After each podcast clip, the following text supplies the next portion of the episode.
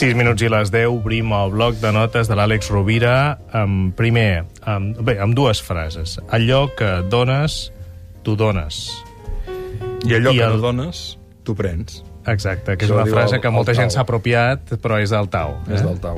I l'altre seria allò que dones de tu mateix esdevé la teva riquesa. És a dir, ampliar el concepte de regal i fer de nosaltres mateixos el regal davant de qualsevol situació de la vida. I això implica el, el valor, a l'esforç, no? el, el fet de dir què necessita l'altre, com em puc jo donar l'altre, tot i estar cansat, estar trist, estar malalt, estar atabalat, estar estressat.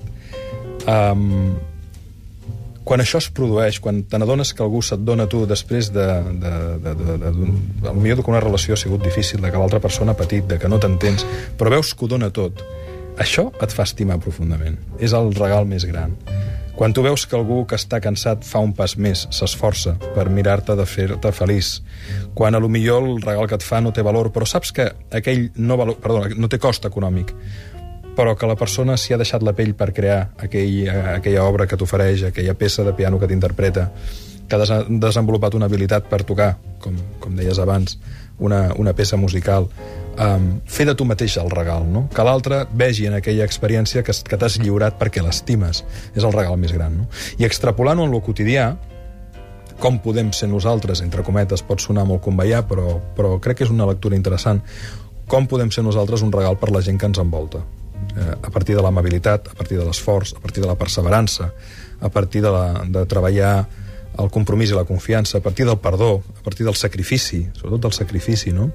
Um, la vida seria un regal.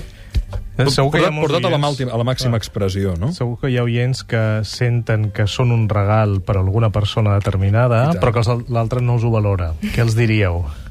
que lo important no és la realització del desig, sinó el que el desig fa perquè et realitzis. Lo important no és que l'altre et reconegui, és com creixes tu en aquest procés. Perquè finalment, um, el dia que te'n vas no t'emportes res de lo que, de lo que t'han donat, sinó tot el que tu has donat, no? Allò que dones de tu esdevé la teva riquesa.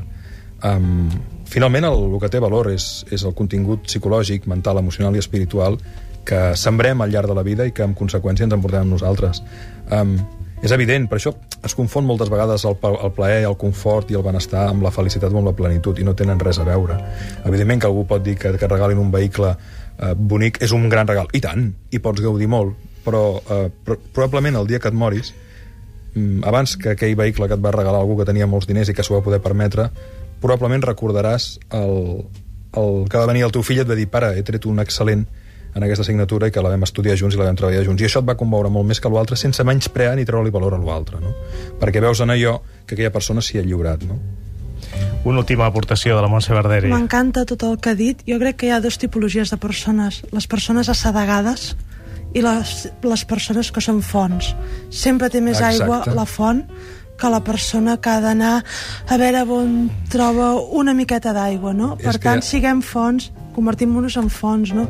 Mm. I després, simplement, que em, em sembla molt relacionat amb el, amb el que has dit i que m'ha agradat tant, no? que Ovidi va dir tot regal té la categoria exacta de qui el fa.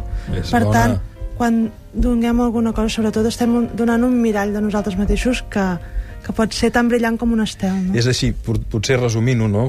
En, ens agrada dir, amb en Francesc Miralles, gran amic i mestre, que hi ha dos tipus de persones, les que es passen la vida buscant la felicitat i les que es passen la vida intentant crear-la. Daniel Gavarró, última aportació des de Lleida. Doncs precisament aquesta, no? Nosaltres no podem escollir el que ens passa a la vida, però sí que podem escollir la forma com responent. Responent i convido a respondre des de la nostra màxima intel·ligència, amor i energia per ser un regal en un món que realment necessita de molts i molts i molts regals. Moltes gràcies, Daniel Gavarró. Enhorabona pel nou projecte que endegueu amb en Jaume Isal i a la nova web ja en parlarem amb més profunditat en propers oficis de viure. Gràcies i una abraçada. Una abraçada, adéu. Gràcies a la Montse Verderi. Fins ben aviat i gràcies també pel regal que ens ha fet l'Àlex Rovira després d'una setmana eh, molt enfeinat promocionant els seus dos últims llibres, sobretot l'última resposta que ha escrit amb Francesc Miralles per tot l'estat espanyol. Doncs gràcies per haver vingut avui Ha estat un regal. de nou a l'Ofici de Viure. Doncs acabem amb aquesta frase d'Ovidi que ens citava la Montse Verderi. Tot regal té la categoria exacta de qui el fa. Moltíssimes gràcies, bon cap de setmana. Nosaltres tornem dilluns en directe, com cada dia, a les 9. Bona nit, bon cap de setmana. Gaspar Hernández, L'ofici de viure. Un programa sobre conducta humana.